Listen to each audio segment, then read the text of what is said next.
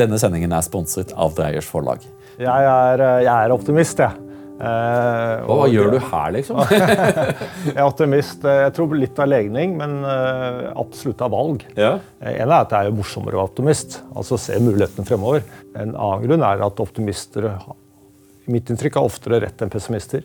Alle generasjoner som jeg har hørt om, i hvert fall, har hatt det til felles at de tror at omtrent verden skal gå under i min generasjon. Det går bra. Verden går ikke under om ti år. Og folk har sagt at verden skal gå under om ti år til alle tider.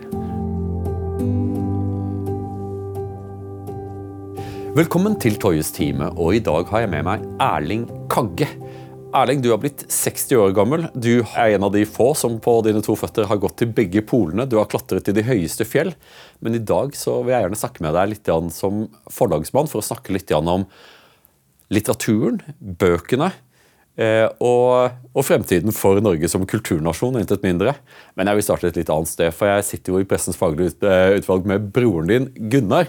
Og så hadde så sa sånn at vi ble sittende og prate, og så fortalte han at fra barndommen til Kaggegutta, så sa han at ja, ja, vi er jo veldig, veldig konkurranseinnstilte alle sammen.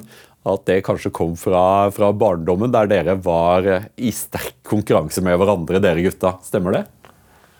Uh, ja, det var vi sikkert. Men, eh, men, eh, vi har jo tre år mellom oss. Ja. Uh, så, så, Eller to og et halvt, et eller annet. Uh, så vi var sikkert konkurranse, men jeg var yngst. Mm. Så var begrenset. Det tok meg jo mange år før jeg kunne fike opp brødrene mine. Var det på noe tidspunkt at konkurransen egentlig var med brødrene dine, når du, når du har gjort alle de de bragdene vil jeg si, som du har gjort. Én ting er å, å, gjøre lette ting, du har gjort vanskelige ting. Bragdene, vil jeg si. Det er jo ikke noe tvil om at det er bragder. Ja, det er ikke noe tvil. Nei, for, Nei jeg bare, jeg tuller med det. Men, eh, men vet du, jeg synes, altså, vi gjør jo alle det vi gjør av mer enn én grunn. Vi gjør det av mange grunner. Og, og vi gjør det av gode grunner og dårlige grunner. De samme tingene. Og vi gjør det av grunner vi ikke er kjente med. Og, og hvor mye oppveksten har drevet meg til å gjøre en del ekstraordinære ting. Det har jeg lurt på, og jeg tror at det har vært viktig. Jeg tror at også Alle gutter har et komplisert forhold til faren sin, og alle fedre har et komplisert forhold til sønnene sine. Så det er klart at det er en veldig god drivkraft. Det er selvfølgelig veldig ubehagelig for sønnene, men det er, uh, det er Hvis du har hatt det for lett når du er liten, så er det jo vanskelig å være sulten senere i livet. Har du det så bare greia som meg? liksom jeg har også gått mye i fjellet og klatra og sånne ting. og det liksom når, når, det blir ordentlig tøft, og du har lyst til å gi deg, da hører jeg fallerens stemme. Kom igjen, Asle. Kom igjen. Opp og stå. Kom deg på beina. Jeg, det, jeg hører ikke akkurat det, men det er klart at eh, da, jeg, da, vi gikk til Børge Ausland og Geir Randby og jeg vi gikk til Nordpolen, så er det klart at eh, jeg, allerede før jeg dro, så tenkte jeg på hva alle kom til å si, også da nær familie hvis vi ikke lykkes. Mm -hmm. Så det var en sånn tanke som lå der og lurte. En ubehagelig tanke. Eh, men da snakket jeg med en gammel venn av meg, Herman Meren, som nå er død. Jeg husker ennå vi satt i badstuen, og så sa jeg det til ham. Og så sa han Erling, det må du bare gi faen i. Og det var et veldig godt råd. For det er klart at hvis du liksom Sånne tanker er bare negative, og du liksom går deg vill i dem. Mm. og man må jo bare snu på det. Og så må man tenke helt stikk motsatt. Eh, mot drømmen, mot målet. Hva skal til for å komme dit? Hvilke forberedelser osv. Eh, ja, så det var et veldig godt råd. Hvordan har du blitt så tøff fysisk? Fordi, bare på å se på de tingene du har gjort. Alle de tingene gjør vondt. Det er Vanskelig å måle hvor mye smerte man tåler. Eh, men eh, Jeg har aldri liksom tenkt at jeg er så mye tøffere enn andre. Men eh, vi hadde et møte på kontoret i dag, og da, da tok jeg utgangspunkt i en uttalelse jeg så Nicolai Tangen hadde kommet med, om at nå vokser opp en generasjon som er ganske sutrete Og det er klart at i vår generasjon, deg og meg og Nikolai, da var det ikke noe særlig rom for sutring. Så det var veldig mye negativt, si negativt ved det òg. Harde fedre. Men du opplevde hvor brutal verden er tidlig. Mm. Og det er klart at, eh, at Hvis du behandler barna dine veldig pent, og skal, med kjærlighet, og det skal man jo gjøre, eh, så er det lett å etter hvert bli sutrete og føle seg selv som et offer. Vet du hva faren min sa? Vi tar og utstyrer barna våre i sommerklær med et kart over Toskana, og så sender vi dem til Finnmark. ja, det var bra. Og, eh, og det var liksom, så Han var opptatt av at du må herdes. Du må herdes for å tåle dette her. Og Det handler ikke, det handler ikke om kjærlighet, og sånt, det, det fikk masse kjærlighet. Eh, men også en, en hardhet eh, som ikke kom av et ønske fra min fars side. Han var ikke den typen i det hele tatt, men han visste hva verden var, og visste at du må ha en viss hardhet for å komme deg fram gjennom dette. her. Eh, så Johnny Cash synger 'Life is hard and the world is rough'. If a man got to make it, he got to be tough. Det høres jo litt sånn, det er en fin sang, men det høres litt rart ut. Men det er uh, sant. Boy named Sue. Rett og slett. Uh, det er så På din biografi så er det jo sånn at de fleste er jo kjent med de tingene du har gjort, pga. at du er jo ikke veldig dårlig på det å, å, gjøre deg selv hørt når du gjør ting. Men eh, det, til min overraskelse så har du jo gjort en underjordisk reise gjennom New York. Det er vel kanskje en av de, dine ekspedisjoner som kanskje ikke er så godt kjent eh, for enkelte, i alle fall som, som ser på dette. her. Kan du fortelle litt om det, det er en lang historie. Jeg skal prøve å gjøre den litt kort. og det er jeg hadde en venn som var sjef, sjef for offentlig sykehus i New York. Var det Steve Duncan? Nei, eh, det var han jeg gikk sammen med. Ja. Uh, og Han fortalte meg at han brukte søndagene han var psykiater, til å gå under bakken og finne folk som bodde i tunneler under bakken i New York, som var mentalt syke, og få dem til behandling. Det var liksom hans liksom, til å betale tilbake til samfunnet. Mm. Uh, og Jeg ble jo da veldig fascinert av at når jeg går da på gatene, så bor det folk rett under uh, som jeg ikke ser. Uh, Innimellom så ser du dem, for da kommer det eller annen trillevogn, og så samler tomflasker eller et eller annet. Men, men, uh, men de fleste av dem bor jo på hosteller og sånn. Men så begynte den tanken å vokse i hodet på meg. Gå under bakken, krysse hele byen med ryggsekk, sovepose og liggeunderlag, norsk stil, fra nord til sør. Og så med den Steve Duncan, en sånn urban explorer i New York, så, så, og litt folk kom og gikk. Så dro vi opp til 242. gate, også langt nord i Bronx. Og gikk inn i kloakken der, og gikk i kloakken ned til eh, Harlem. Uh, så, så vi gikk under East River, altså? Nei, så kom vi ned til uh, Den delen av East River heter Harlem River, akkurat på toppen av Manhattan her. De forandrer litt navn. Uh, og Eller kanal, kanskje. Men, men, men under der er det ikke noe tunnel. Så da gikk vi over. Da hadde vi tenkt å klatre den broen over der, men uh, det var midt på dagen. Og, og, det er utrolig mye politi i New York, eh, særlig hvis du er redd for å bli sett av politiet. Uh, men så krysset vi byen frem og tilbake. Vi tok litt drosje, tok litt T-bane, var over bakken for å bytte tunneler. Men da sov vi under bakken og endte opp i Jamaica Bay, altså ved JFK-flyplassen. Wow. Innenfor det ene sikkerhetsgjerdet, faktisk. For vi gikk inn i en sånn vanntunnel og så Da vi kom opp av den vanntunnelen, så sto vi mellom de to sikkerhetsgjerdene på JFK. Og Det var ganske ubehagelig, for i utgangspunktet så er det ulovlig det vi gjorde. Ja. Eh, og det blir ikke noe mer ulovlig at du er inne i sikkerhetssonen. Nei, ikke det helt, men jeg vil jo bare anta at, uh, at disse tunnelene som finnes under enhver by, at de var stengt av på en eller annen måte. Det, hvordan kom dere ned i dette? I Oslo nå så er veldig mye stengt av. For noen år siden så var det ikke stengt. Men, uh, men altså, kumlokk kan jo gå ned i. Eh, det er jo ikke noe vanskelig. Jeg husker her For et par år siden så hadde jeg tatt et par, par en del drukket litt vin sammen med en kollega. og Så gikk vi forbi Blitz like her borte. Blitzhuset. Og så sto folk utenfor og hang der litt. Det var en varm sommerkveld. Og Vi ble stoppende og småprate litt, og så, og så sa jeg at uh, uh, Når dere løper fra politiet, så fins det alternativ til det se her, og så bare bøyde jeg meg ned, så tok jeg bare vippet opp kumlokket rett utenfor der med fingrene. Mm. Og viste hvordan du bare smetter opp i kumlokket. Så, det, så det å gå ned i kloakktunnel, det er jo enkelt. Hva så du der nede? Hva fant du? Altså, i, i, i, i en bred togtunnel der er det jo frisk luft. og Du må bare passe på ikke gå i skinnegangen når toget kommer. Mm. Så I en T-banetunnel så er det, jo, er, jo, er det jo litt verre, fordi New York altså, var jo fire spor. Det gikk to, to, to retninger, eh, selvfølgelig, men to, to, spor i hver retning. Og eh, ekspress T-banen i midten og de lokale på siden.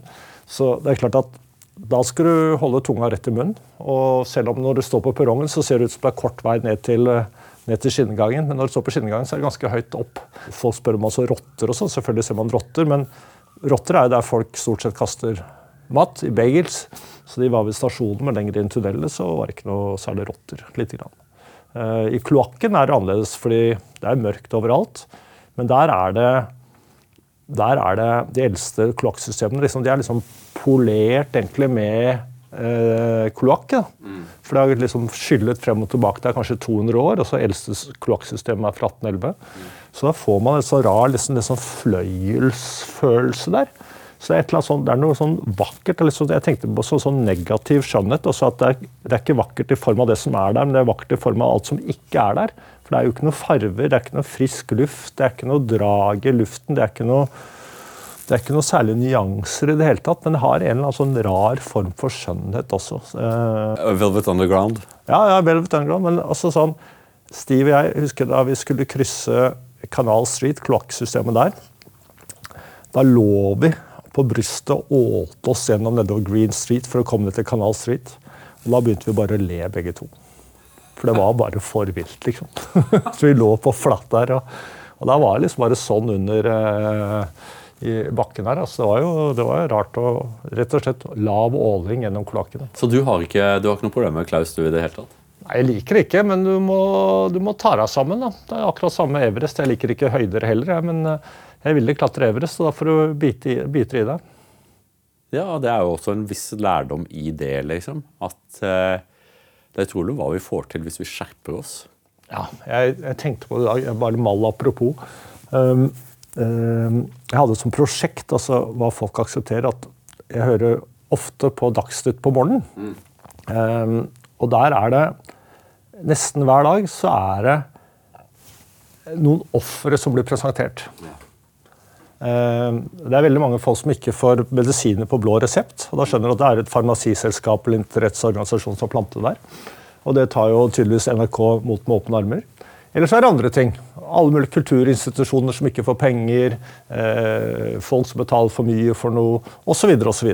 Man skal ikke le av det. Men det som er interessant, er jeg tenkte nå skal jeg telle, kanskje jeg skal sitte et år skal jeg høre på Dagsnytt hver dag. Så skal jeg telle hvor mange ofre det er i Norge. Ja. Eh, men jeg holdt ut bare en måned. Men, men da så regnet jeg litt sånn videre på det, og da kom jeg til at det er ca. 15-20 millioner ofre i Norge. Og det er mange som er ofre selvfølgelig i ti kategorier. da. Ja, selvfølgelig. Det er jo det multiofre. Ja, ja, ja, det er veldig mange, Du må nødvendigvis være veldig mange multiofre. Mm. Men det er litt sånn interessant at vi lever i Vi lever jo rett og slett kanskje i verdens beste land å bo i. Vi har hatt ufattelig flaks som bor her. Man skal ikke kimse Se på enhver FN-indeks, så ligger vi på toppen eller nær toppen. Vi skal ikke kimse av problemet individuelt, også, men som fenomen at nordmenn karakteriserer seg selv som ofre igjen og igjen i så mange sammenhenger. Eh, det er tankevekkende. Som et kollektivt fenomen så er det forståelig. Vi tilhører alle grupper som, eh, som på ulike måter er marginaliserte, eh, selv om du er, om du er mektig, så kan du tilhøre også en del av deg. Kan høre, du kan f.eks. være lavkirkelig eller campingentusiast eller whatever. Men eh, det som uroer meg, er at det vi som voksne Jeg syns at vi voksne svikter ungdommen en del. Eh, for den, den, dårlige foreldre er den som sier uansett hva du ønsker, så støtter jeg deg. Eh, allting du tenker, er riktig. Du er fin sånn som du er. Og alt du gjør, er bra. Allting du gjør, er bra, og hvis du føler det, så er det sant. Men sånn er det ikke. Eh, og spørsmålet for, som melder seg for meg, er at jeg tror at en offerstrategi kan være effektiv for å oppnå goder. Jeg tror at det er veldig skadelig for personlighetsutviklingen. Eh, det, er, det å definere seg selv som offer tar fra deg makt. Og Det er noe som jeg tenkte mye på av en kamerat av meg som presterte i løpet av ungdomstiden å bli både alkoholiker og narkoman. Eh, og så startet han jo naturligvis, eh, som vi ofte gjør, med å gi skylda på foreldra sine. Eh, men han hadde veldig fine foreldre. Altså. Det, var ikke, det, var ikke, noe sånn her grassat. Eh, og så forsøkte han å gi skylda på alle andre, og så til slutt så hadde psyk psykiateren sagt at du kommer aldri til å klare hvis, er point, hva, er, hva er pointet her? Hvis du ønsker å sutre, så kan vi godt gjøre det, men hvis du ønsker å slutte, så må du gi, deg selv skylda. Selv om det ikke er din egen skyld. Altså Selv om det skulle være sant da, at du hadde en helt jæklig far, og moren din klemte deg ikke som barn, eh, og, og, du fikk aldri den sykkelen du ønsket deg. Selv om alt det der er sant. Den eneste måten du klarer å slutte på, er at du tar makt over din egen skjebne, og det gjør du gjennom å gi deg selv skylda. Uansett hva som ligger bak, og si at det er jeg som drikker, det er jeg som røyker heroin. Eh, dette er min skyld, og når du gir deg selv skylda, så har du også muligheten til å kunne forandre på det. Og det er faren med offerstatus, er at man låser seg inne i en maktesløshet. At man dyrker maktesløshet. Nietzsche skriver jo mye om dette. Ja, ja, ja. Og veldig farlig. Og jeg kan si at det var jo han som fikk den fineste sykkelen. Han har du aldri sett siden. Så det er jo det som er, det er jo også det er det grunnleggende problemet. De som ble dullet med på den måten, de som Fikk fusalpjakker og, og, og, og, fikk den fineste sykkelen. Uh, jeg har aldri sett dem siden. Denne sendingen er sponset av Dreyers forlag. Dreyers forlag gir ut mange gode konservative bøker, men en bok som vi skal reklamere for i dag, er Eric Kaufmanns 'Det hvite skiftet'. Det er til alt overmål en bok jeg har lest selv, og vil anbefale dere alle å lese. Det er en bok som forklarer mye av den sterke polariseringen vi ser i vestlige samfunn i dag. Med ganske overraskende funn, vil jeg si. Dreyers forlag har til alt overmål stilt opp med et ordentlig godt tilbud for eh, Minervas lyttere og seere, så klikk på lenken som ligger i beskrivelsen under. Så jeg sitter jo på stipendkomiteene for, eh, for ulike universitets... Eh, norsk ungdom søker et stipend for de ønsker å studere i utlandet overraskende hvor mange som møter opp med en CV som åpenbart er skrevet av pappa. Eh, og eh, som åpenbart det, Til og med blir vi ringt opp av pappa. Det er alltid pappa. som ring, eh, ringte opp liksom for å fortelle at, at Kjell Erik er kjempeflink. Og, og, Kjell Erik har kjempelyst på dette. Og, Kjell Erik, og så er det sånn at Men Kjell Erik er en voksen mann. Hvorfor snakker jeg med deg? Er det du som har lyst til å gå på Harvard? Ikke sant? og det liksom å bli curla fram tror jeg akkurat resultatet blir at, eh, at, du får ikke den, de enerne på et eller annet tidspunkt. Så må din egen motor starte. Du kan ikke bare dra deg videre på, på, din, på, de, på dine foreldres uh, status. Men det er klart, det er, det er, jeg er helt enig, det er sammensatt. ikke sant? Fordi noen er jo født med mer oppdrift og fremdrift enn andre. Det tror jeg. Så, så, så Eh, det er komplisert, da. Eh, noen har, andre har ikke. Eh, I, I, varierende grad, og det er veldig viktig å huske på, tror jeg, at det er ikke sånn at alle har alt og noen har ingenting. Alt er mellom 0,1 og 99,9. Nettopp. La oss da si, bare for å tallfeste det, selv om det ikke tallene stemmer, la oss si at i enhver populasjon så vil det finnes i 10% som har ambisjon, og som har en oppadstigende tendens. De er gründere, de starter ting. ikke sant?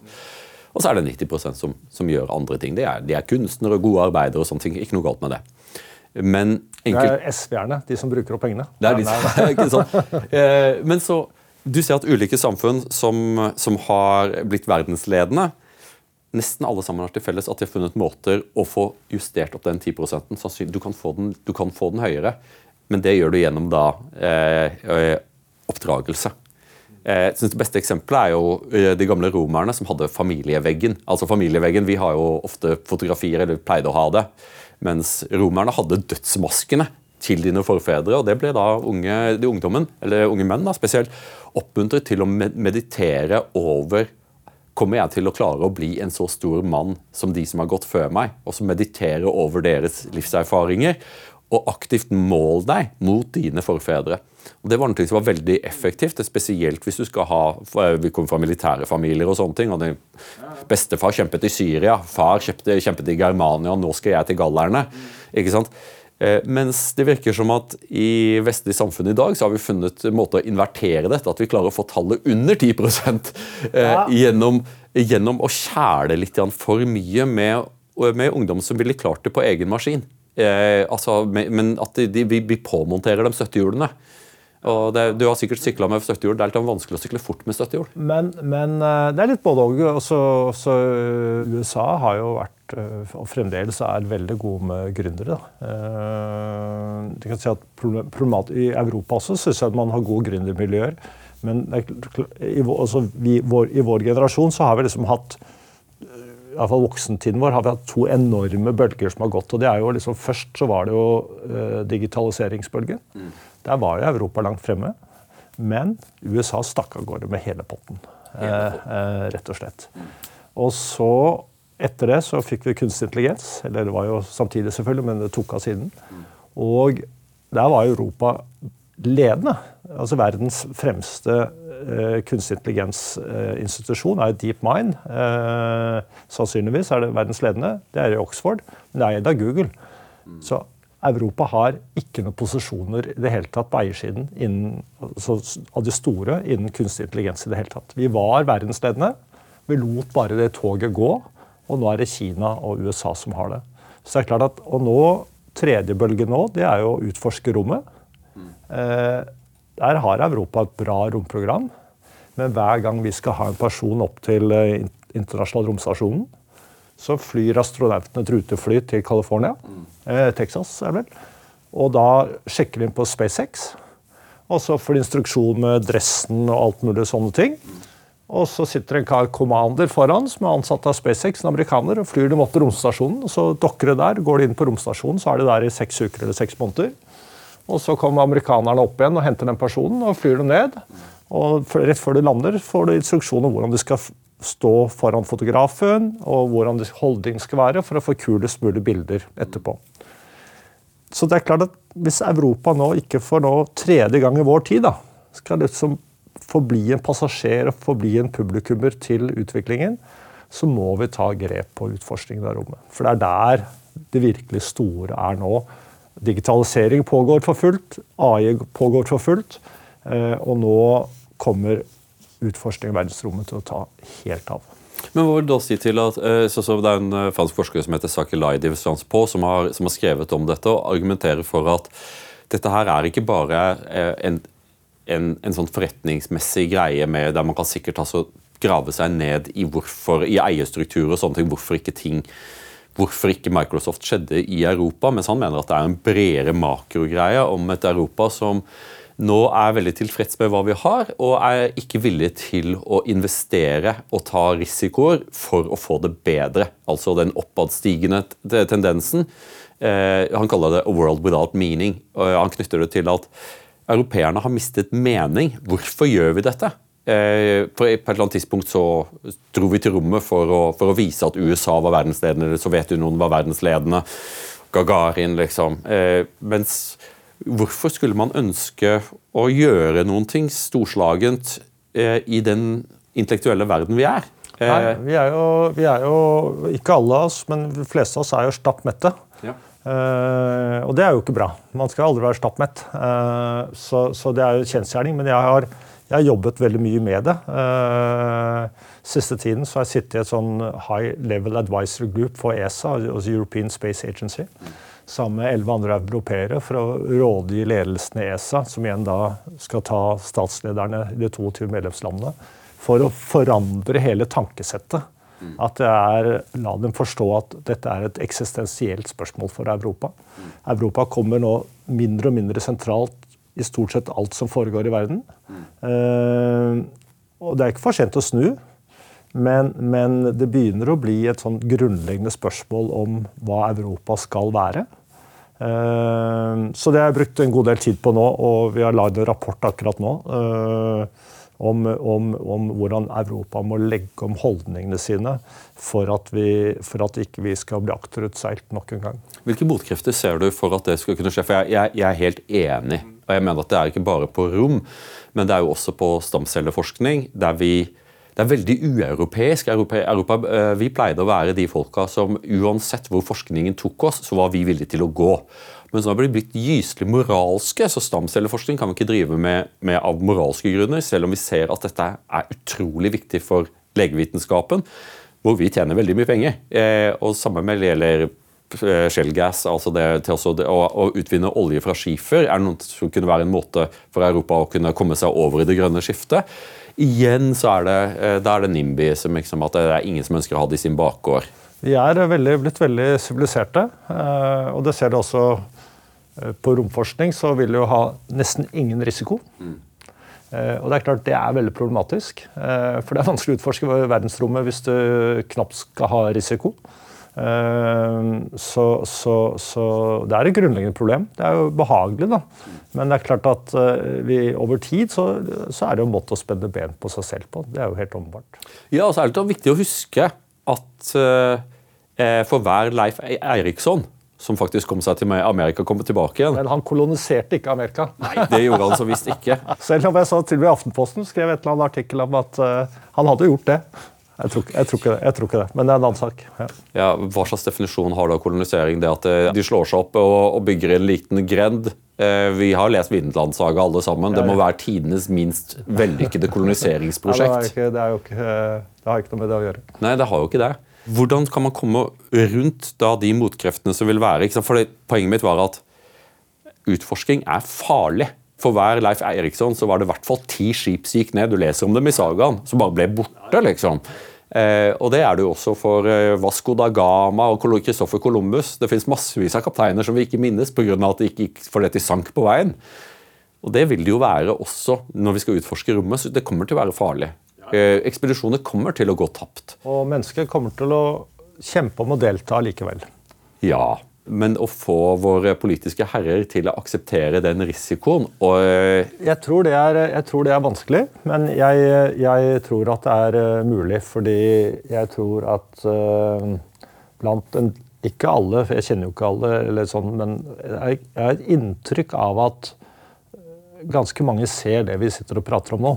Og Det er derfor jeg har vært interessert i å utforske rommet. Fordi det har en eller annen sånn enorm dimensjon ved seg eh, som gjør at det kan samle ganske mange mennesker om en interesse, om en visjon, om å se inn i fremtiden og få unge mennesker til å engasjere seg. Studere, jobbe hardt og bli i Europa. Ikke flytte ut av Europa for å oppnå drømmene sine. Eh, og bli med på det. Eh, videre. Og så kan jeg si at Én ting er å liksom komme til månen, eh, lage en bo, liten bosetting der, som igjen skal legge grunnlag for å dra videre ut i verdensrommet. Eh, det i seg selv er jo et eventyr. Men når man ser alt det det kan avstedkomme altså snakket om medisin, f.eks. Det selvfølgelig. altså Energi, forståelse av hvor vi kommer fra, hvor vi skal, osv. Klima osv. osv. Enorme potensialer. Så hvis Europa blir med på det, eh, så er ikke det noe vidunderkur, men jeg tror det er eh, veldig sunt for oss. Ja, altså, jeg tror også at det kan være liksom litt av løsningen også sånn mentalhygienisk. For dette virker som at eh, det å utforske, bare se på vårt eget land, hvordan polfarerne, hvor viktig de var i konstruksjonen av norsk identitet. Hvordan det ble nasjonale prosjekter og en kilde til nasjonal stolthet. Eh, og det er jo noen ting som vi i vår tid er veldig opptatt av å latterliggjøre, nasjonal stolthet. Men det ting som holder kollektivet sammen og gir det retning, er bra. Spesielt hvis det ikke er krig. Eh, krig er jo, er jo, det som alltid har funka i, i, den sammenheng. Men rommet tror jeg kanskje kan være Og det er også noe du ser på eh, i USA med den DARPA-forskningen som de gjorde for å få til dette. for Månelandingen, det, det, som er så underlig med månelandingen, er at den skjedde da den skjedde. For den skulle egentlig ha skjedd på 1980-tallet. Det, det, var teknologi som lå 20 år i hvert fall, forut for sin tid. Og Det er jo derfor folk sier liksom at det ikke, det ikke skjedde.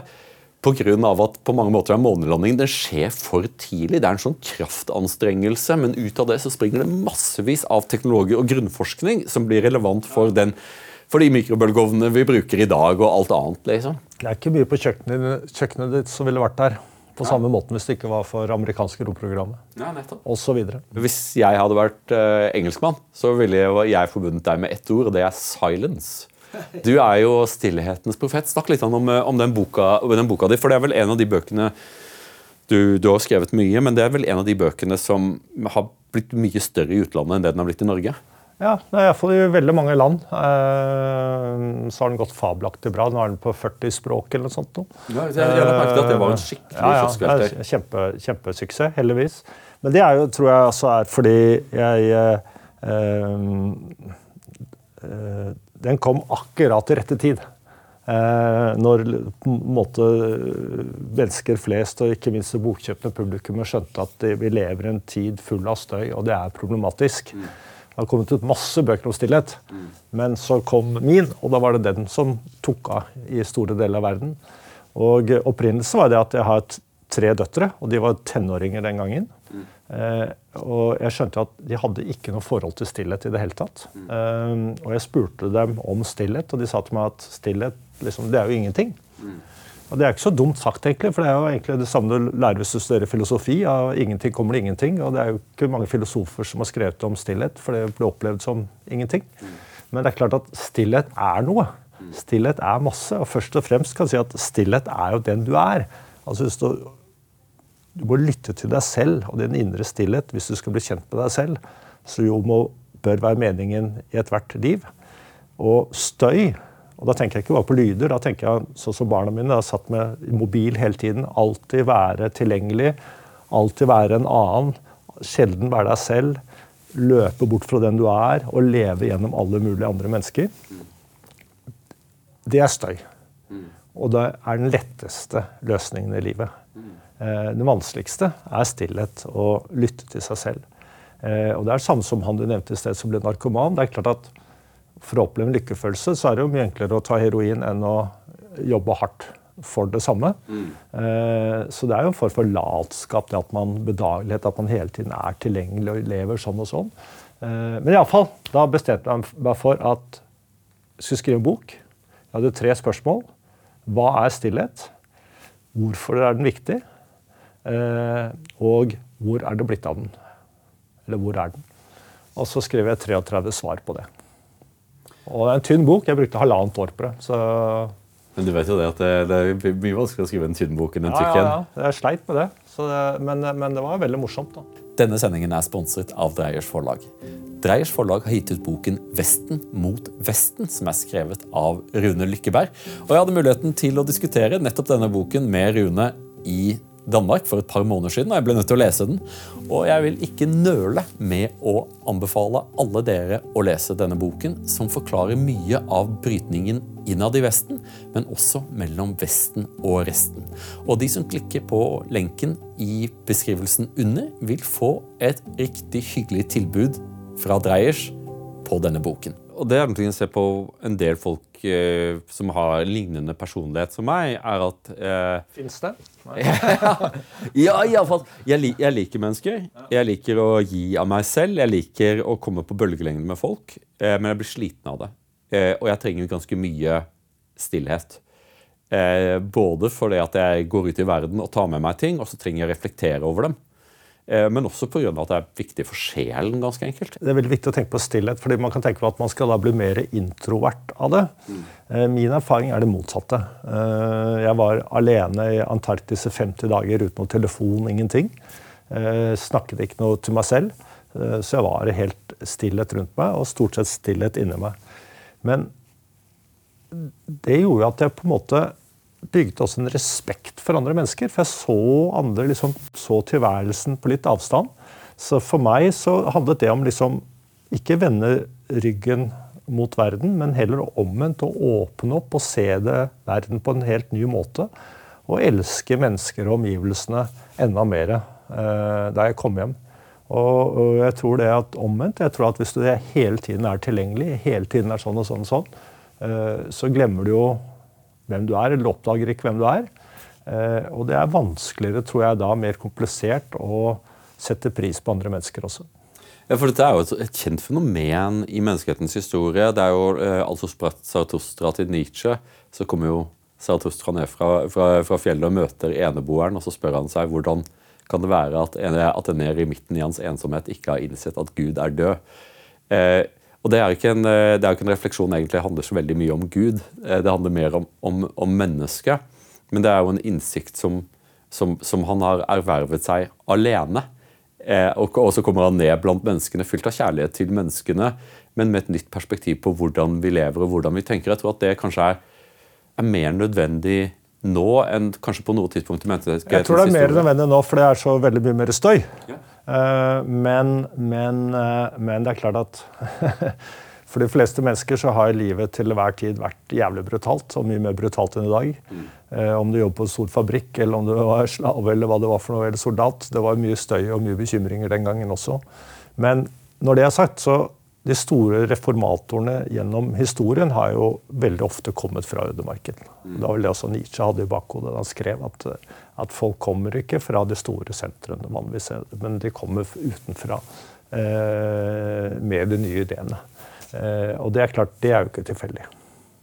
Ja, det, det, var faktisk en, det var en god beskrivelse av vårt land. Jo, vi snakker om bondestudentene, men det er jo slik at ofte mye av, av, innovasjonen kommer fra bygdene. Eh, det er folk som fra, eh, som har vokst opp eh, utenfor Oslo og kommer til Oslo som med litt ild i magen og en idé.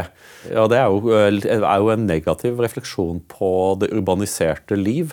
For jeg ser jo også liksom at generalene vil jo ikke ha, soldater, vil ikke ha bygutta som soldater. De er ikke tøffe nok. Eh, de, vil, de, vil, de, vil, aller helst ha, ha bondegutter som kan bære tungt og ikke klage. Som har vokst opp med subsidier. Nei, ja, ja, ja, Jeg trekker tilbake den. Men eh, ja, det er godt. Jeg tror, jeg tror, ikke, jeg tror det er mer sammensatt enn det. Men jeg er bygutt selv. Det er kanskje derfor jeg ikke hopper på det. Men jeg er helt enig med deg at refleksjonen der at, at også i Norge så ser vi at veldig mye av det nye som skjer, kommer av fra folk som ja, ja, et, eller annet, et, eller annet, sted som plutselig dukker opp en eller annen og kommer inn til byen med helt nye, helt nye ideer. Og, og, det er klart at noe av ulempen med å bo i by er jo at eh, det er stort sett veldig behagelig, og livet går sin gang. Og ja. Eh, og du må ha den derre sulten, rett og slett, altså. Jeg tror det også, tror jeg også at byen er veldig rikt på massedistraksjonsvåpen. Eh, mobiltelefonen er, det, er, det, er, det, er, det, mest alvorlige av dem alle sammen, men, eh, men, i byen så bare legger det seg i lag. Eh, og så er det jo sånn at ofte folk som har en skikkelig god idé, starter jo ofte med å si at ja, det er noe jeg godt har tenkt på. Eh, eh da må du gå litt og tenke litt før du kan si at du har gått og tenkt på noe. Ja, Det er ofte jeg hører. Jeg hørte det var et sånn type sånn der. Startet å selge bøker på Rimi i 1996. Mm. Eh, Asbjørnsen og Moe, og etter hvert Astrid Lindgren og Ibsen osv. Eh, da var det veldig mange mennesker som kom til meg og sa at Og det har jeg også tenkt på. Eller da vi drev og seilte over havene på 80-tallet, kamerater og jeg, så kom vi til ny havn. Og Da kom det gjerne en kar eh, ned på bryggen og pratet, og så sa han at jeg har alltid drømt om å gjøre sånn som dere gjør. Mm. Um, ja, så det er ikke nok, å, det er ikke nok å, å, å, å tenke, nei, tenke på det. Men når du først sier det, det er klart at det å gå, det er det lureste du kan gjøre omtrent i livet. Ja, og så er det jo også noe som er verdt å minne ungdommen om. At eh, selv om noen har gjort det før, eh, så vil det være første gang for deg. Og første gang du, du, legger ut på en ordentlig tur, ja, du bør forberede deg, og du kommer til å være uforberedt. Og det er gjennom de lærdommene at du blir bedre. Så det der greia med at eh, jeg har ikke lyst til å gjøre det, for jeg er ikke flink på det, sånn skal du ikke tenke i det hele tatt. Du kommer til å lære veldig mye, og du kommer sannsynligvis til å begå noen ordentlige blundere som du sannsynligvis vil lære en hel del av, både i oppakning og stort sett så bærer du for tungt og alle de greiene der. Jeg har jo gått mye sjæl. Arne Næss var jo opptatt av, filosofen var jo opptatt av at du må gjøre alle disse bommertene tidligst mulig ja. i livet. Ja. Eh, for det er klart at Når du er voksen og gjør de bommertene, så lærer du ikke noe særlig eh, av dem. Men uh, dummer deg litt ut tidlig i livet, så er det veldig bra. For det kan jo være med å forme deg på en ordentlig god måte. Når var det du uh, begynte først å, liksom, å dra ut med mer enn en overnatting aleine? Ja, da var jeg uh, kanskje ti år gammel eller noe sånt nå. Ok, Du starta mye tidligere enn meg. altså. Så da var vel ja, kanskje elleve, jeg husker ikke. Da var vi kameratflokk på Nordstrand som dro ut. Og da husker jeg vi lå ofte oppe ved Østmarkskapellet og sånn. Mm. Og da husker, jeg, da husker, jeg, fortsatt Lars Monsen. Han var vel 11 eller 12 eller han var et år eller to eldre enn meg, tror jeg. Mm. Og han gikk med sånn svær samekniv, husker jeg. Mm. For de også bodde jo i nærheten av Østmarka, litt bortenfor oss. Så ja. Og så gikk det rykk og napp, og så var det lange perioder hvor det ikke har vært noe særlig eh, overnattinger og ikke så mye friluftsliv. Og så var det er morsommere å feste og prøve å få klint med noen jenter og sånt noe. Mm. Men uh, så kom det heldigvis tilbake. Du trenger ikke å være god på det. Eh, du, du, blir god på det. Sånn er det med alle ja, ting. Men jeg må si at akkurat på friluftsliv, f.eks. Det handler jo ikke om å bli god på noen ting. Det er altså det vidunderlige med det, det er gratis i Norge. Ja. De fleste andre steder i verden er det komplisert å få til. Men det å gå inn i naturen øh, er et godt eksempel på at det beste i livet, pluss minus, i Norge, det er gratis. Mm. Og så er det også en viktig ting også, eh, Dette er bare en, en sånn strøtanke. at det er en del folk som sliter, sliter mentalt, og det, eh, og det, skal vi ta på alvor. Jeg tror at det er veldig viktig at vi lærer oss at, at psykisk helse og, og, fysisk helse det er, begge deler er like viktig for, for, for et godt liv. Men naturen er kuren. Det er et eller annet som er underlig, for eh, byen er regelmessig. Det er, eh, det er, er kvadrater og, og, romber, og allting er, er, formet i unaturlige eh, Men det gir en følelse av orden. naturen er anarkisk. Det er ingenting som er symmetrisk i naturen. Og på en eller annen merkelig måte så er det veldig veldig sunt mentalt å bare være i naturen. Helt klart. Jeg tror det største tabben vi har gjort i dag, det er i moderne tid er å fjerne oss fra naturen. Hele ideen om at vi kan overgå naturen, at vi er sterkere i naturen, at vi ikke trenger å være i naturen. Forferdelig vurdering. Eh, og jeg tror også at det er også opprinnelsen til veldig mange av de problemene vi opplever i samfunnet i dag, at folk har fjernet seg fra naturen. Eh, så, så, og det er jo helt åpenbart at, eh, at, Jeg er helt enig med deg. Dette er problemer vi må ta på alvor, og, og, og, som det er vanskelig å løse.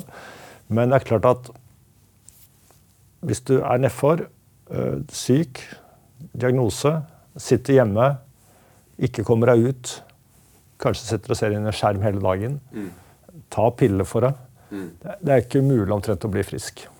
Stort sett alle vet jo at de pillene du stapper i deg etter noen uker, er ikke bra for deg. Mm. Eh, men allikevel er det et system som gjør at du bare får flere og flere piller. At du på en måte liksom blir på en måte sånn passifisert på det. Ja, Så er det den stakkarsliggjøringen ikke sant, som er, som er den, off, den offergreia ja. om at jeg her kommer jeg med diagnosen min. ikke sant, At Det virker som at en del folk tror at, at diagnoser er liksom som striper på skulderen på en offiser. liksom, At jo flere, jo bedre. Jo høyere er du i offerhierarkiet. Ja, men Det er et eller annet, så kan si at det er enkelt enkelte individnivå, men det er et eller annet med hele samfunnsstrukturen mm. som, er, eh, som, som, som med god margin kan forbedres. da. Eh, på det. Uh, men iallfall, uh, motsatt å sitte der inne er jo Jeg skjønner at det er et herk, for det er jo mer, det er lettere å sitte på en stol inne enn å gå ut. men det er klart, går du en tur, bare en halvtime eller time om dagen Hvis du er nedfor, det er klart det hjelper. Også moderne medisinens far, Hippokrates, han hadde jo tre grunnleggende råd for å ha et sunt liv. Og det første rådet var gå en tur. Gå en tur.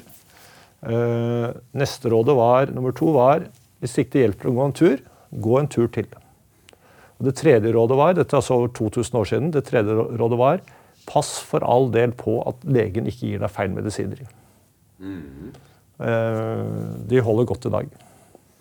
Det er vel mer relevant, kanskje? Jo, til og med. Det er jo, altså, det er, og fortsatt er jo den beste medisin du kan ha det er jo å gå en tur. Altså Alle skjønner at du kan ha sykdommer som ikke kureres ved å gå på en tur. Men, men, veldig mange av de plagene du har, vil jo i hvert fall bli bedre om du går en tur. Ja, så er Det jo også slik at eh, liksom, det, en, det, har vært en vending innenfor eh, for, for psykologien og sånne ting. Tanken om at, at allting blir bedre av, av terapi og snakke om det. Men det er veldig mye forskning som også tyder på eh, f.eks. Eh, soldater. Det der med å ha sånn samtaleterapi og gjenopplive traume, og sånne ting, eh, det gjør bare traume permanent. Mens en del ting må du legge bak deg. Du kan ikke forandre på det som ligger bak deg, du kan bare forandre på det som ligger foran deg. Og det å, ha, å gi seg selv den eh, istedenfor å endeløst forsøke å nøste i, eh, i, fortiden, kan lett bli at man leter etter unnskyldninger for at man ikke gjør det man vet man burde gjøre.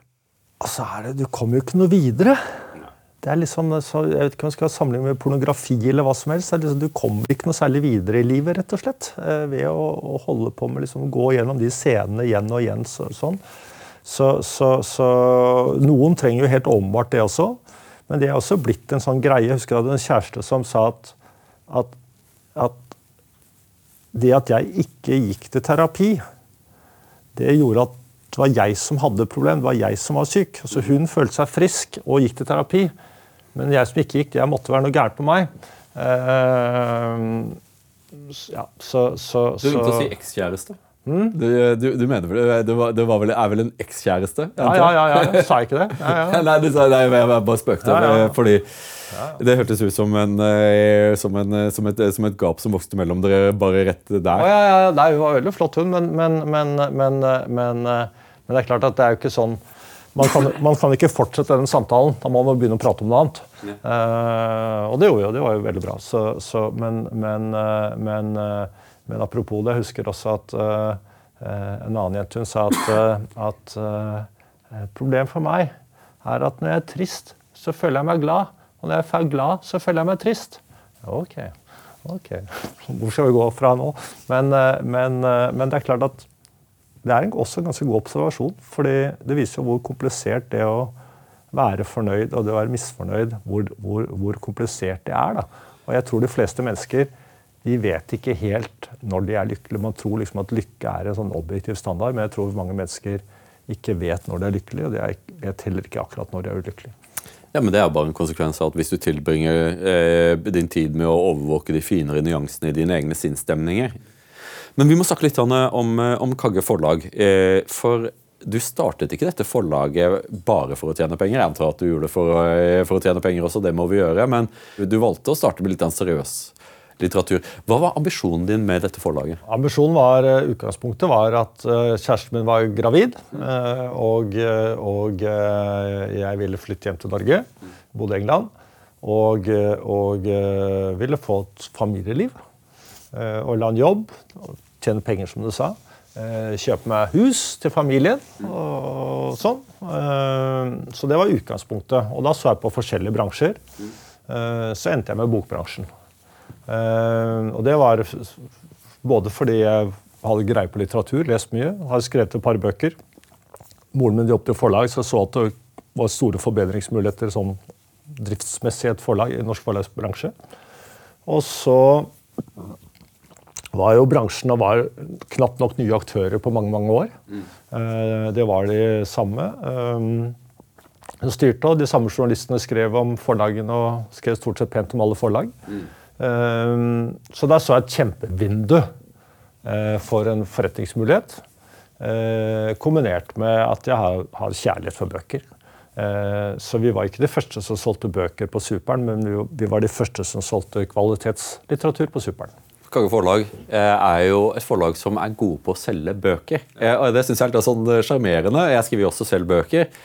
Eh, av og til får man forlag, følelse av at forlagene syns at det er en liksom, litt sånn skammelig del av forretningsgreia. Det å, å faktisk selge produktet. Eh, Liksom de, de legger mye vekt på det å, å få skape produktet, eh, men i det øyeblikket da boka foreligger, så, så forventer de liksom at den skal flakse ut i verden. Og så har de veldig høy eh, De tilgir seg selv ofte eh, sine, når bøker ikke selger, mens det virker som at du har et forlag der eh, at dere, skal, dere er ute etter å selge bøker. Ja, altså Jeg har alltid tenkt at det er to ting som betyr noe når du driver forlag. Eh, Du må lage best mulig bøker, og så må du selge flest mulig etterpå. Og, eh, og jeg husker jeg hadde en kar den gangen man fortsatt leste papiraviser, en ny, nyansatt, som satt og leste Dagbladet på pulten sin, og så sa at vet du hva, beklager, det gjør vi ikke her. Du kan gjerne lese Dagbladet, men ikke bland det inn i arbeidstiden din. Eh, fordi her skal du gjøre kun to ting, og det var de to jeg, tingene jeg akkurat sa. Eh, fra du kommer til du drar.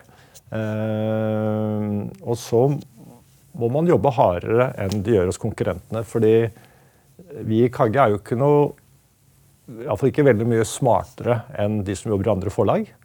Eh, og hvis du ikke er det, så må du jobbe mer systematisk og hardere. Toyes time er en Minerva-podkast. Og Minerva har et tilbud til deg som ser på denne sendingen på YouTube.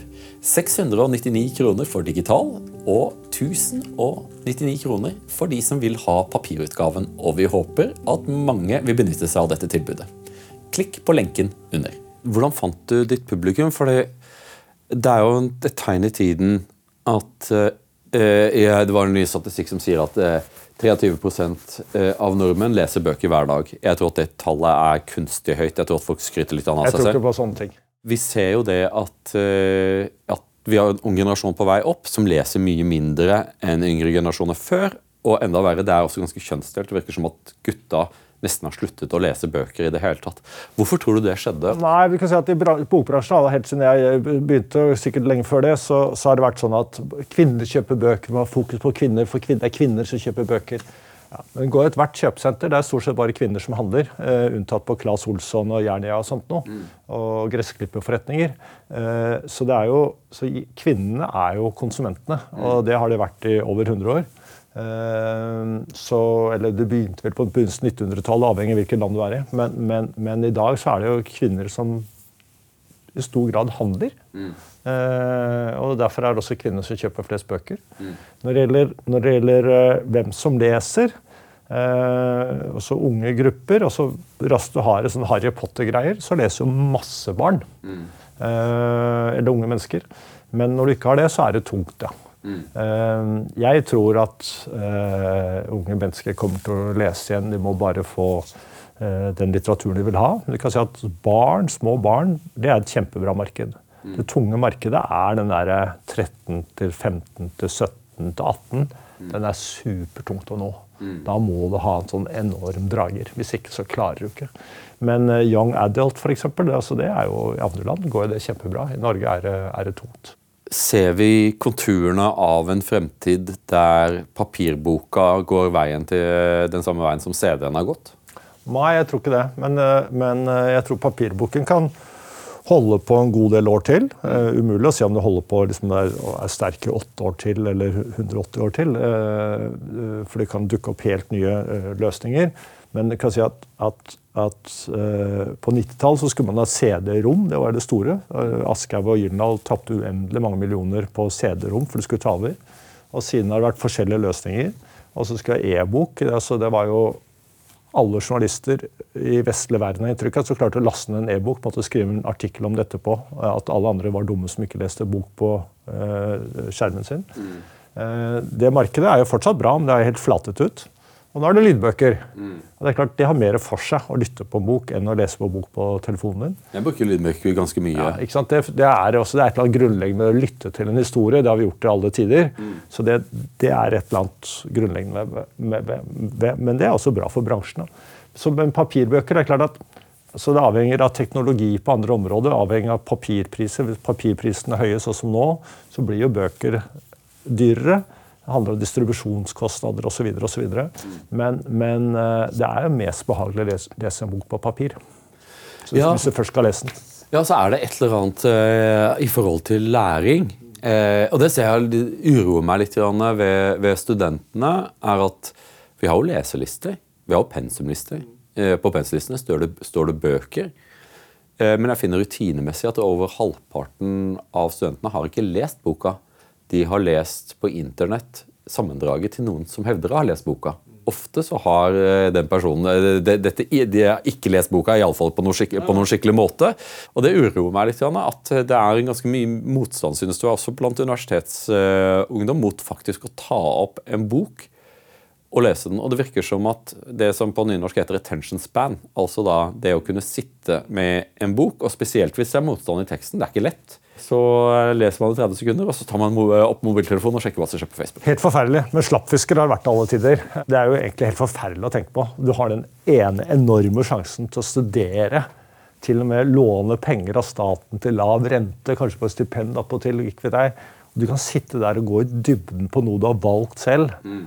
Og så, så, finner du en eller annen tilfeldig artikkel, og så leser du sammendraget. Det er jo, det er jo bare stakkarslig, da. Men det, er, men det, er, jo sånn vi mennesker er. At, uh, igjen, at vi hopper over gjerdet der, der, det er lavest. og Jeg har sagt det mange ganger, men for guds skyld, prøv å hoppe over gjerdet der det er høyest.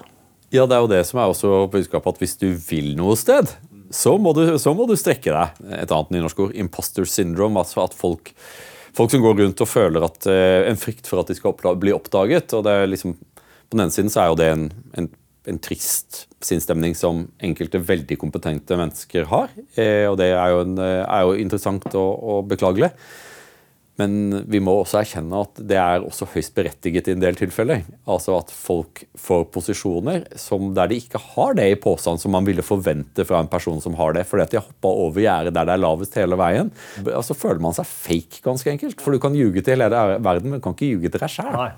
Etter hvert så er det ikke så lett å ljuge til verden heller. Eh, ja, det er enig. Det, eh, det er redd for å bli avslørt på god grunn. Det er klart at eh, det har det sikkert vært til alle tider, men, men altså, vi har jo snakket om dette tidligere. Men, men, det er klart at i dag hvor, hvor, hvor, hvor mange andre grunner enn hvor kvalifisert du er i seg selv, skal telle, ja, det bygger jo den type komplekser. For eh, i en sånn en dystopisk fremtid, da. la oss da si at, eh, at, bøker blir for spesielt interesserte. Altså at samfunnet eh, slutter å trykke bøker, og det store flertallet leser ikke bøker. Det, hvilken effekt vil det ha på menneskelig sivilisasjon? For vi er jo en All kultur er jo skriftkultur. Det er jo tenkelig at vi kommer til å ende opp med å bli en, en førskriftskultur. Ganske enkelt at allting er ferskvare, ingenting er bestandig. Eh, det finnes ingen kanon, det finnes ingen kunnskap som er intersubjektiv, for det finnes ingen bøker som, som, alle har lest, eller som du har blitt fått foreskrevet. Eh, ser du det som, et, som, en tenkelig fremtid, eller vil det være, som jeg tror det kommer til å bli, at man får et klassedelt samfunn? Altså at du får eh, en klasse av beleste mennesker og en stor hop av ubeleste mennesker? Jeg er, jeg er optimist, jeg. Uh, Hva gjør du her, liksom? jeg er optimist. Jeg tror litt av legning, men uh, absolutt av valg. Ja. Uh, for jeg tenker at av flere grunner En er at det er jo morsommere å være optimist, altså se mulighetene fremover. Men, men en annen grunn er at optimister Mitt inntrykk er oftere rett enn pessimister. Men en tredje er at, er at, som er kanskje den viktigste, er at det er så mange pessimister i verden i dag. Mm. Og det er så lett å være pessimistisk. altså Det letteste i verden er jo å være pessimist. Mm. Eh, og du blir alltid tatt på alvor. Eh, pessimister blir jo tatt mer på alvor enn optimister. Eh, eh fordi folk foretrekker en seriøs, litt sånn støpejernsmine når du skal høre hvordan verden skal bli. Du ønsker jo ikke å høre på en kar som sier at dette kommer til å gå bra. Eh, men, Så det er flere grunner til at jeg er optimist. Eh, og eh, det er klart at nå i dag Veldig mye bra som skjer i, i verden. Eh, ikke alt, selvfølgelig. Og det du sier der, at det, en del ting går gale veien. Og da er det lett å tro at det fortsetter i samme retning. Det tror jo alle mennesker. at Hvis oljeprisen går opp, så tror alle den skal fortsette oppover. Og, og Gå dollar ned, tror alle den skal gå nedover. Og slutte, folk leser mindre, tror man skal lese, til slutt slutte å lese. Men det forandrer seg og så snur igjen. For jeg tror f.eks. med å høre på en god historie, eller lese en god historie, og forstå en god historie, det har vi gjort i 300 000 år. Mm. Så vi kommer ikke til å slutte med det i vår generasjon eller barnas generasjon. Men alle generasjoner, som jeg har hørt om, i fall, har hatt det til felles at de tror at omtrent verden skal gå under i min generasjon. Og det er en form for sånn selvopptatthet og selvhøytidelighet som ikke jeg deler. Jeg, eh, det går bra. Verden eh, går ikke under om ti år. Og folk har sagt at verden skal gå under om ti år til alle tider. Eh, og jeg har opplevd, altså jeg er født i 1963. jeg har opplevd altså eh, Største trusselen var jo atomkrig på 70-tallet. Eh, og det viser seg etterpå å være en enda større trussel enn vi fryktet den gangen. Mm. Da gikk vi ned i bomberommet, hadde øvelser på skolen og lærte hvordan vi skulle børste atomavfall og alt mulig. Mm. Eh, det var jo skremmende, eh, men trusselen var enda større. Mm. Og så var det selvfølgelig global nedkjøling som var en stor sak på begynnelsen ja. på, av 70-tallet. Og så har man jo hatt at all data i verden skulle knekke sammen at Japan skulle ta over hele verden. Og da Japan ikke gjorde det, så var det jo de sørøstasiatiske sør, tigrene, de fire tigrene, som skulle ta over verden. Ja. Og så videre og så videre og så videre. Så det har vært en sånn føljetong med, med, med, med undergangsvisjoner bare siden jeg ble født. Men, men, men at dette her er, jeg vil si at dette er en ganske viktig del av Vestens seieroppskrift. At vi, at vi alltid, vår evne til endeløst å kritisere. Vi er kanskje altfor kritiske, men jeg tror at det er en del av seiersoppskriften at vi alltid føler at en synd er blitt begått, eh, og vi må fikse på det. Her er vi på, her er vi på ville veier. Eh, så det kassandraene som, eh, som, som, ikke er optimister tror jeg er ganske viktig. Vi trenger optimistene, men vi trenger også pessimistene. fordi Så jeg vet ikke hvordan det er med deg. Har du vært, har du vært i Davos noen gang? på Davos-møtet? Du vet da, Jeg er invitert de siste årene, ikke av Davos, da, men av andre. men uh, Hun jeg er kjæreste med nå, hun er der hvert år. Men jeg har ikke fått ut fingeren, egentlig. Uh, men jeg har lyst til å dra litt. bare for å Jeg syns det er veldig morsomt å se på mennesker. Ja. Og tenke på hva de tenker på, hva de driver med. og da tenkte jeg at Det var morsomt å vært i Davos et par dager og gjort det. Ja, Det burde du definitivt gjøre. Antropologisk er det noe mest, mest interessant. Men der er det også veldig mye bullshit-optimisme. Eh, altså at det er, for dette, det er folk er jo ekstremt rike, og så er det alltid noen som har sett framtiden. Og det er, det er jo hallelujastemning og liksom minner litt om sånne, til sånne evangelister på amerikansk TV. liksom, At og her er fremtiden. Jeg blir jo veldig veldig skeptisk av sånt. Og det viser seg jo gang på gang på gang at det som Davos har utpekt til å være fremtiden Et år senere så er det ikke fremtiden lenger. Er liksom, da jeg var der, så var det krypto. Krypto er fremtiden. Eh, og det var liksom, det var bare krypto, krypto, krypto. krypto, Men krypto. For et par måneder siden så var det quiet quitting, husker du det? Ja, ja. Sist høst, var det ikke det het? Ja, ja. Quiet quitting, ja. Quiet, quiet quitting, ja. Quiet quitting, det var, jo, det var jo en kjempesak. Har du hørt om det siste måneden? Nei, ikke det hele tatt. ikke sant? Og da blir det jo sånne at, her, uh, intellektuelle moter eh, drevet fram av, av, av, av, folk som er gode til å være optimistiske i TED Talks. For det er, det er et et segment ja, som bare vil ha det. Si at, men sånn quiet quitting det, er jo, det, er jo, det var jo veldig morsomt, fordi også norske medier er også veldig opptatt av at det er nyhet og det er en kjempetrend. og sånn. Mm. Uh, men så plutselig begynte en del selskaper rundt omkring i verden å skalere ned antall ansatte og sparke. Mm. Siden har det vært stille det, var, det, ble ikke så veldig appellerende å, å, si at jeg gjør så lite som mulig på jobb når, eh, når man begynner å skalere ned, nei. Eh, da, da er det andre boller. Da er det Men eh, Lars, Lars Svendsen, filosofen, hadde en veldig morsom betraktning på det. Synes jeg. Det var at han, han sa hvordan fritiden og arbeidstiden har byttet plass mm.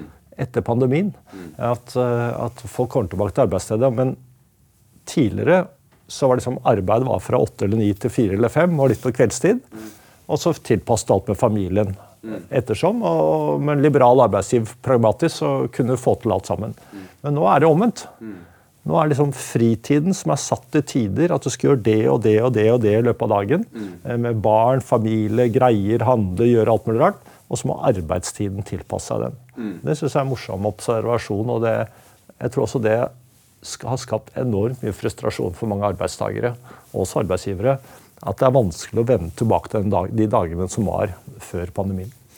Ja, men Nå har jo EU kommet med, med nye lover, eh, eh, nye direktiver, for, det, for, at det ikke skal kunne forventes at folk jobber etter arbeidstid. Ja, ja, ja, Jeg så det. Jeg er litt sånn usikker på om, om, EU kanskje tar på seg litt for store bukser i forhold til om de kan regulere hvordan vi jobber. Eh, det synes å være et kulturelt spørsmål mer enn et politisk veldig, spørsmål. Men det er vel litt, det er vel stund til, det er Frankrike som er veldig tidlig ute. Jeg har ikke fulgt nøye med, med, på det. men det ja, Denne fantastiske modellen, det er jo Frankrike vi bør emulere. hvis vi skal se etter økonomisk suksess. Et land som ikke har klart å balansere statsbudsjettet sitt siden 1973. Men det er, eh, det er verdens syvende største økonomi, så det er godt gjort. da. Men eh, så du gjør en del ting riktig, riktig der, tross alt. Den tanken på ikke jobbe på kvelden, mm. ikke helger, det er jo helt altså, for, meg, skjønner, for meg er det eh, gresk, som vi sa i gamle dager. Men, men jeg jobbet jo som advokat for en periode, fra for 90 til 92. og Da var jeg bl.a. advokat for Sunndal Årdal Verk. Og da var jeg der øh, og besøkte bedriftene. Det er klart at de gutta og noen kvinner som jobbet på skift, og kanskje natteskift fra tolv om kvelden til åtte om morgenen, det er helt andre boller. De skjønner at de sliter, de bør har regulert, selvfølgelig, men også tidligere pensjonsalder osv. Hvis det tatt liksom skal ha et godt liv etterpå og ikke slite seg ut. Men, men, men, for de aller fleste mennesker så er jo arbeid er en velsignelse.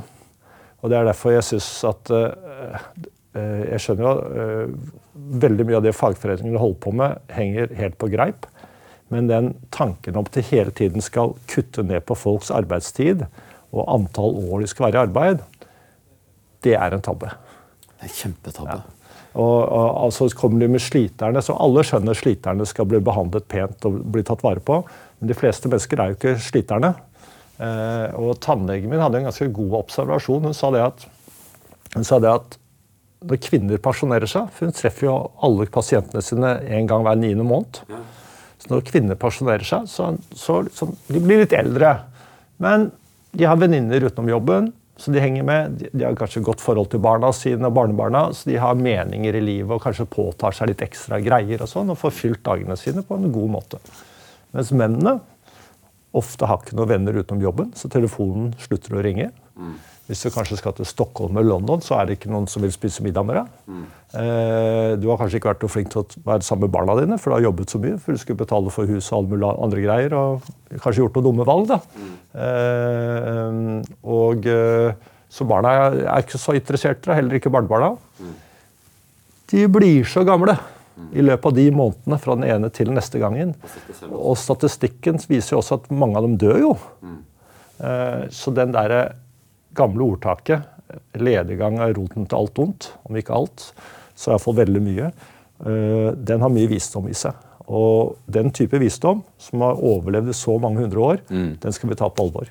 Nå høres det ut som Olav Thon. I forrige episode så hadde vi Olav Thon her, og det er jo eh, Dere er veldig sammenfallende i synet på arbeid, og, og der, der, er jeg helt enig, for eh, og Nå skal jeg si noe så, så kommer folk til å bli sure, men jeg tror spesielt for menn spesielt for menn, så er rollen som forsørger eh, og det å, å, å skape sitt eget liv i sitt arbeid, i sitt ansiktsved, altså at det som er ditt, har du jobba for sjøl, det er ingen som har gitt det til deg, er utrolig viktig for menns selvfølelse. Eh, og det å jobbe mye er bra. Jeg er selvfølgelig enig og Olav er jo en av mine favorittmennesker på hele jorden. selvfølgelig. Men bare sånn også hva du skal bruke tiden til. at Nå er det veldig populært med e-sykler i Norge. Ja. Elektriske sykler. og til og med Oslo kommune har jo til og med betalt for en del av dem. Eller vil si, vi har betalt for dem med skatteseddelen. Jeg snakker med mennesker som er så glad, for nå kan du sykle fra Oslo sentrum til Katnosa. Eh, og det kommer så langt inn i marka. I motsetning hvis de da hadde hatt vanlig sykkel eller gått, så hadde de bare kommet til Kobberhaugen. Og så tenker jeg sånn Ja, hva gjør du når du kommer på Katnosa, da? Ja, du stopper vel og spiser nissepakker og sykler hjem i full fart. da. Eh, og kanskje spart litt tid. Så det er et eller annet sånn grunnleggende misforståelse med det hvordan man skal bruke tiden sin. At det er så viktig at som du sier, det er, sånn, det er viktig å sykle fort og det er viktig å jobbe minst mulig, for da skal du få tid til alt annet. Men hva i all verden skal du få tid til, da? Og så er det jo den biten med at eh, i et liv så er det de tingene som kosta deg selv noen ting. Det, det som ikke var, enk, eh, var enkelt det er de tingene som du setter mest pris på. Og enhver person som har vært på en ordentlig tur, der du har båret tungt, du har hatt gnagsår, maten har vært dårlig, været var, var, været var sabert, og det var, eh, det var sånn. Det var sånn.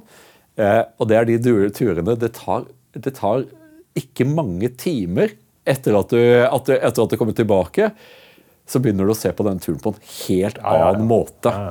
For du klarte det. Og det, er, det som er interessant, er at Når du begynner å gå en tur, så ser du andre mennesker som er i ferd med å begynne å gå tur når ute, de ser ofte litt slitne og trøtte ut og litt anstrengt ut og smiler ikke. Men alle mennesker som kommer tilbake fra tur, de ser blide ut. Så det, det, det, det, og det er klart at det er det jeg sa i sted med lykke også, at det er veldig vanskelig å vite når du er lykkelig og når du er ulykkelig. Ikke alltid, men ofte. Nettopp fordi at du drar på tur, du er sliten, du er våt, du er kald, livet er hardt, du er kanskje litt sulten og tørst. Og så tre timer etterpå til å komme hjem, så har det vært noe hyggeligste du har vært med på. Men nå har vi liksom nevnt Olav Thon, som er helt fantastisk. Men eh, en gammel venn av Olav Thon og meg, det er jo som nevnte sted Arne Næss. Han hadde et godt råd i forbindelse med det vi prater om nå. Jeg har sitert ham på det mange ganger, men jeg syns det er så grunnleggende bra sagt at eh, mange mennesker kom bort til Arne da jeg var sammen med Arne, da jeg var sammen med Arne og spurte om meningen med livet, hva de skulle gjøre, hvordan de skulle legge opp hverdagene sine, hvordan de skulle prioritere, hvilke valg de skulle gjøre å få et bedre liv. Og ville spørre den gamle, vise mannen og den store filosofen og Spinoza-eksperten om det. Var han spion òg? Nei, nei. han var med i X under krigen. vet du. Var han det ja, også? Ja, ja, Det var en hard, det var liksom mest hardcore vel, i, i Norge. De fikk ikke lov til å prate om det etter krigen, for de, var jo, for de ville ikke avsløre hvordan de hadde jobbet. Ja, han var med X. Så han var alltid beredt til å ta livet sitt i tilfelle han ble arrestert så han skulle unngå tortur. Men det, ja, så han var eh, hardcore. Og han var den første som også tok inn norske nazister inn på møter og diskuterte offentlig. og sånt noe. Han ble veldig kritisert for det, men når folk skjønte han hadde vært med i Excel, så kunne de liksom ikke ta han så hardt allikevel. Eh, men iallfall, hans råd, det var stå på. Men Erling, eh, i 2021 så solgte du 70 av Kagge forlag. Og du syntes vel at, eh, at, du kastet ballen ganske langt inn i sivet da du sa at eh, du hadde tenkt å jobbe ved forlaget uh, til 2024. Nå er vi et stykke ut i 23, og da må jeg kunne spørre deg hva skjer etter 2024 fra Erling Kagge? Etter 23 uh, jeg har ikke lagt noen særlige planer. Uh, og grunnen til det er at jeg har gjennom hele livet, så vidt jeg kan huske i hvert fall, har jeg hatt masse planer, masse ideer, mange gjøremål hele tiden. Mm.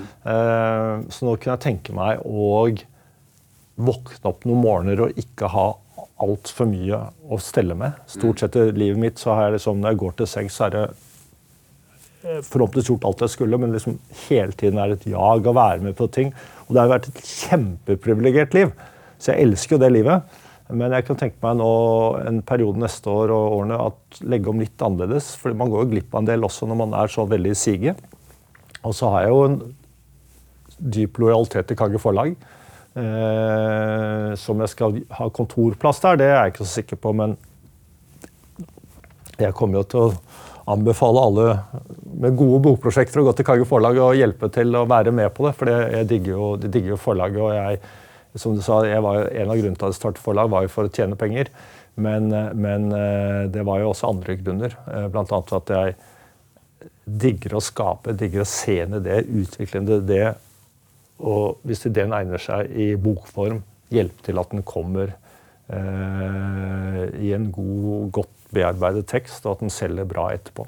Det er jo det vi forfattere vel også ønsker, er jo det å få den hjelpen vi trenger med å få manus på plass. Og at boka ikke ser helt grusom ut når den er ferdig i trykken. at Det var litt kjærlig. Det er en ting som jeg liker ved Kagge forlag, og det er liksom sikkert veldig perifert, men liksom at dere brekker tekst ordentlig. Og viser litt respekt for, eh, for boktrykkerfaget. Det, og det syns jeg liksom at en del av det som kommer fra, fra, de som sitter over på andre siden av Karl Johan her, eh, Aschehoug og Cappelen og Gyllendal En del av bøkene som kommer ut, er bare sjabere. Eh, liksom hele den, den, den, stoltheten i å få ut en pen, ordentlig bok. og Der syns jeg dere er flinke. Jeg skal, skal dere, det snur litt også nå, vet du, for nå er jo, du spurte om papirbok i sted. det er klart at eh, Når alternativet til å kjøpe en papirbok er så utrolig mange som det er i dag, eh, så må man lage bøkene litt ekstra lekre. Ja, jeg synes det. For det er et uh, bruker litt dumt uttrykk, det er et gadget. Altså du, altså ikke alle bøker. altså Kjøper en dårlig norsk krim som du florerer av, så er det sikkert ikke så farlig. Men, men, men kjøper du en god bok eh, som du gjerne vil ha, vil dvele ved, vil leve med, kanskje ha i bokhyllen din, da er det også kommersielt sett smart å, å, å gjøre den litt uh, vakker eller spennende eller spektakulær eller påkostet. Vet du hva Jeg gjorde? Jeg var nettopp i India og så jeg, tok jeg med alle bøkene jeg har skrevet. Eh, det er jo ikke så mange, det er vel sju-åtte stykker. Eh, og så fikk jeg dem læreinnbundet. Åh, det morsomste ved det, det Selvfølgelig er det fint å ha liksom en, en, halv hyllemeter med, liksom, med gullskrift og hele greia. Det er egentlig bare, det er bare for familien, liksom, for meg selv. Men det fineste var å snakke med han bokbinderen. Han kunne ikke et ord engelsk. Eh, mens hans ekspertise lå i å garve lær. Og jeg kan ingenting om å garve, garve lær, men jeg lærte mye.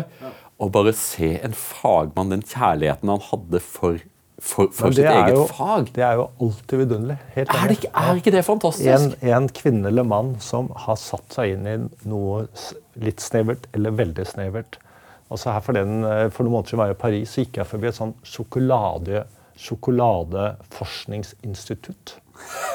Finnes det? Ja, Kameraten og jeg sto og så på det og tenkte for et vidunderlig. Det var dessverre stengt, altså vi kunne ikke gå inn. Det liksom, der sitter det folk og liksom forsker på sjokolade. Skal bli supereksperter på sjokolade. For en vidunderlig ting, rett og slett. Ja, altså, altså, men det er også noe med, med dyp ekspertise. For det er jo litt sånn at I vestlige samfunn så, så oppdras vi jo til å være eh, jack of many trades, trades master of none. Altså at du skal, du skal både være en god ektemann og holde deg i god form, og du skal være god far, og så skal du være en god arbeider. og så liksom, Du kan litt av mangt. Mens folk som har eh, denne, denne bokbinderen, som kommer da i en lungi, kommer i, et, i skjørt og snakker hindi eh, Jeg har en oversetter, da. Eh, det han kunne, det var å binde inn bøker. Og hans, og hans, person her i verden, hvis man snakker om det, det var ulike kvaliteter av lær. hvordan, og liksom forklare hvordan han lager det, hvorfor det er ulike priser på dette, hvordan han farger dem, hva slags fargestoffer som brukes. og Only natural dies, ikke sant? For meg så var det en vidunderlig time som jeg aldri kommer til å glemme. Nei, jeg digger det. Ja, jeg, jeg ser nesten aldri på TV. Jeg har ikke tålmodighet til det, og jeg vokste opp uten TV. Eh, men det er hyggelig noen ganger med kjæresten min å se på en dokumentar, eller noe sånt. Ja. så har man liksom noe å prate om og være litt sammen. Og Da så vi på en sånn dokumentar om Steinway, de som lager de pianoene eller flyglene. Eh, hvordan det går i generasjoner, noen av de jobbene. Ikke nødvendigvis far-sønn, men liksom én har jobben i 40 år, og så kommer en ung kar, og noen, kvinner òg, og tar over den og læres opp de siste årene den personen er der, og så fortsetter du da å lage det, og hvordan alle flyglene har sin egen personlighet osv. Og, Og meg han er veldig god til å spille, så han har liksom vært der flere ganger. Fortalt meg om hvordan han sjekker ut de forskjellige liksom, flyglene for kunder. Da, for å ha det sånn. Og Det er bare sånn vidunderlig, den der stoltheten av å kunne noe. Og det er også en lærdom eh, ved siden av det at arbeid tar ikke livet av deg. Det er, det, det er en del av løsningen. Så er det, det den gleden som finnes i det å bli ordentlig god i noe. Eh, og det er ikke så viktig hva det Tenk er. deg når du slutter på Steinway-fabrikken. da. Ja. Ja, du går hjem og Jeg vil- jo tro at de fleste som jobber Steinway, eh, ikke har råd til å kjøpe et eh, flygel eh, fra Steinway. Eh, da, da begynner du å savne jobben din. Og det tror jeg virkelig. Altså. Erling Kagge, eh, det har vært en glede å ha deg her på Torjus time. Takk for at du kom på Torjus time. Tusen takk.